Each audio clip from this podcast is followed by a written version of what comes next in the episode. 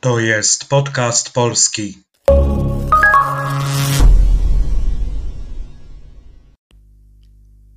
Cześć, nazywam się Przemek, a to jest podcast polski. Audycja dla tych wszystkich, którzy uczą się języka polskiego i chcą popracować nad rozumieniem ze słuchu i nad wzbogaceniem słownictwa.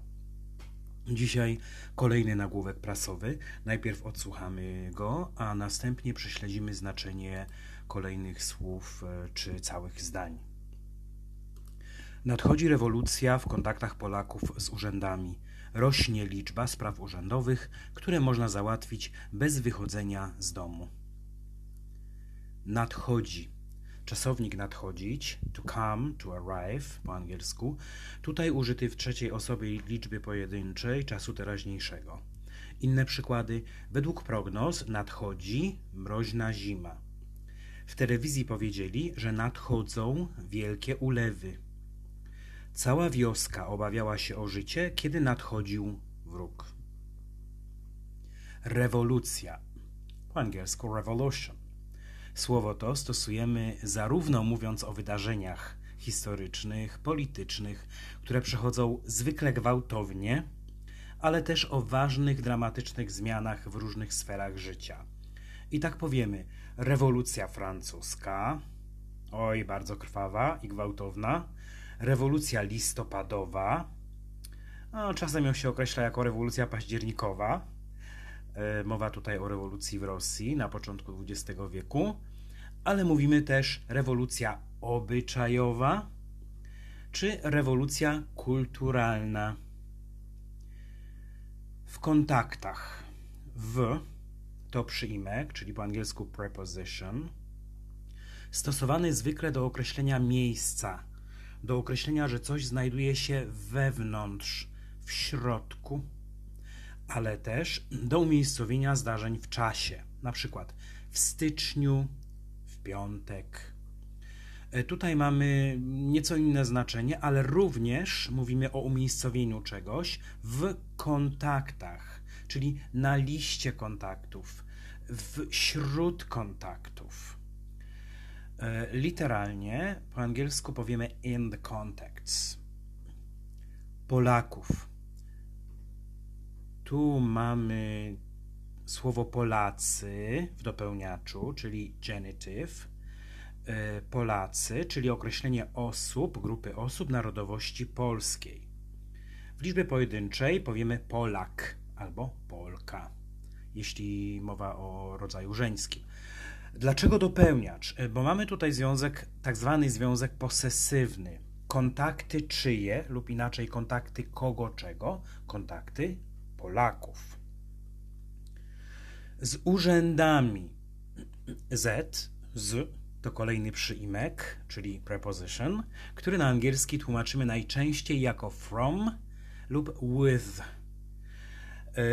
tutaj mamy to drugie znaczenie. Chodzi o kontakty Polaków z kim, z czym? Z urzędami. W tym przypadku stosujemy w języku polskim narzędnik, czyli instrumental. Urzędy to liczba mnoga od słowa urząd, czyli office.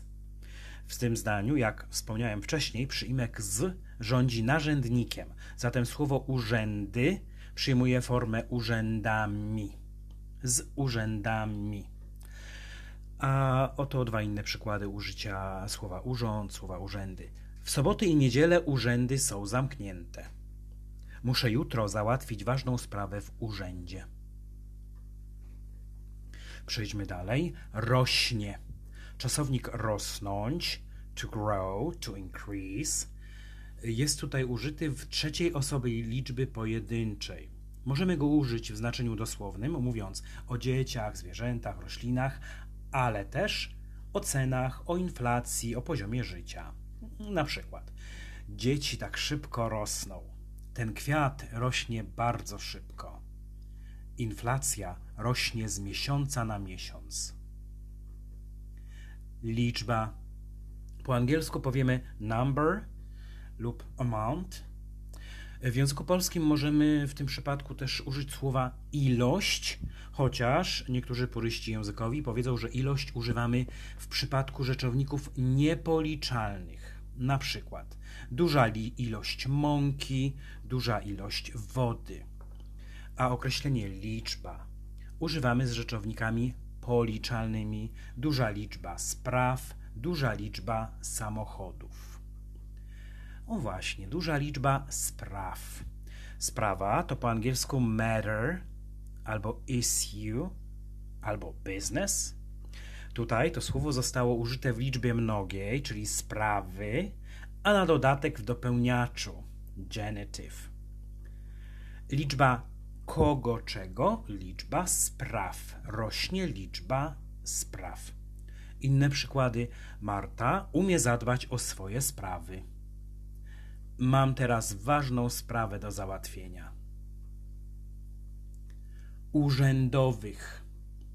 Forma podstawowa urzędowy to przymiotnik od słowa urząd, a zatem może to być na przykład pismo urzędowe, sprawa urzędowa i tak. Pamiętajmy, że przymiotniki mają w języku polskim w liczbie pojedynczej trzy rodzaje: męski, żeński i nijaki. Czyli powiemy urzędowy, na przykład samochód, ten samochód urzędowy, sprawa urzędowa, ta sprawa urzędowa, pismo urzędowe, to pismo urzędowe. W liczbie mnogiej mamy dwa rodzaje: męskoosobowy i niemęskoosobowy, czyli byłoby urzędowi i urzędowe. Jeśli chodzi o liczbę mnogą jednak, to w praktyce w użyciu jest jedynie rodzaj niemęskoosobowy, na przykład sprawy urzędowe, pisma urzędowe, samochody urzędowe. Które, który, która, które, tu też mamy trzy rodzaje, zwykle tłumaczymy na język angielski jako who, which, that. Um, temu słowu poświęcę jeden z następnych odcinków. Y, przez y, obcokrajowców, którzy uczą się języka polskiego, czasem bywa mylony z jaki, jaka, jakie, mają zazwyczaj trudności w rozróżnieniu, kiedy stosować który, kiedy stosować jaki, więc o tym powiemy sobie w jednym z następnych odcinków. A teraz jeszcze parę przykładów z użyciem tego słowa. Na który film pójdziemy? Którego aktora lubisz najbardziej? Nie wiem jeszcze, którą ofertę przyjmę. Można. Można to nieosobowa forma oznaczająca możliwość zrobienia czegoś. Po angielsku powiemy it's possible. Po słowie można zawsze stoi bezokolicznik, czyli infinitive. Przykłady: można to zrobić jutro. Czy można tutaj płacić kartą? Jeśli zaprzeczymy słowo można, czyli powiemy nie można, oznacza to, że nie ma możliwości zrobienia czegoś, ale też może oznaczać, że czegoś robić nie wolno. Na przykład, tutaj nie można płacić kartą. Po angielsku powiemy It's not possible to pay with a card here. Tutaj nie można parkować. It's not possible to park here. Ale też it's not allowed to park here. Nie można tak postępować. It's not allowed to behave like this. Załatwić. Po angielsku powiemy to manage to do something, albo to manage to find something, albo to get something done, zależnie od kontekstu. Można na przykład załatwić sprawę, ale też można załatwić coś dla siebie czy dla kogoś. Na przykład, muszę jutro załatwić ważną sprawę. Po angielsku powiemy I have to get this done tomorrow. Załatwiłem sobie nową pracę. I managed to get a new job. Bez wychodzenia. Bez to przyjmek, czyli preposition, który komunikuje brak lub nieobecność kogoś albo czegoś. Po angielsku powiemy without. Przykłady. Zostałem bez samochodu. Życie bez ciebie nie ma sensu. Zostać bez grosza. Wychodzenie to rzeczownik odczasownikowy, czyli utworzony od czasownika, w tym przypadku wychodzić, to go out, to leave. E, zatem wychodzenie przetłumaczymy na angielski jako going out, leaving.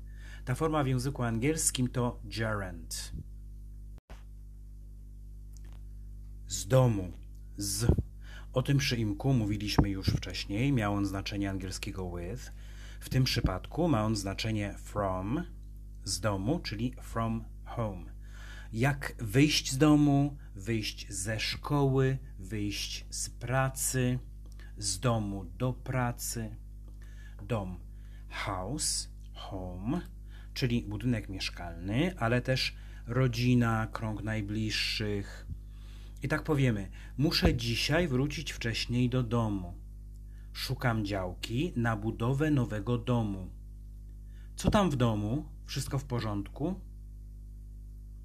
I właśnie ten ostatni przykład mówił nam bardziej o rodzinie, o kręgu najbliższych niż o budynku mieszkalnym. Tak? Raczej nie pytamy, co tam w domu, nie pytamy o budynek, tylko o rodzinę. Yy, I w ten sposób dotarliśmy do ostatniego słowa dzisiejszego wydania. Na koniec jeszcze raz posłuchajmy całej informacji. Nadchodzi rewolucja w kontaktach Polaków z urzędami, rośnie liczba spraw urzędowych, które można załatwić bez wychodzenia z domu. I na zakończenie przypomnę, że znajdziecie wszystkie odcinki łącznie z transkrypcją na moim blogu podcastpolski.blogspot.com. Stworzyłem również stronę na, na Facebooku, żeby łatwiej było śledzić, kiedy pojawiają się kolejne odcinki. Dajcie znać, proszę, w komentarzach, co Wam się podoba, a co nie w tym podcaście. Yy, takie komentarze pomogą mi pracować nad jego zawartością i jakością.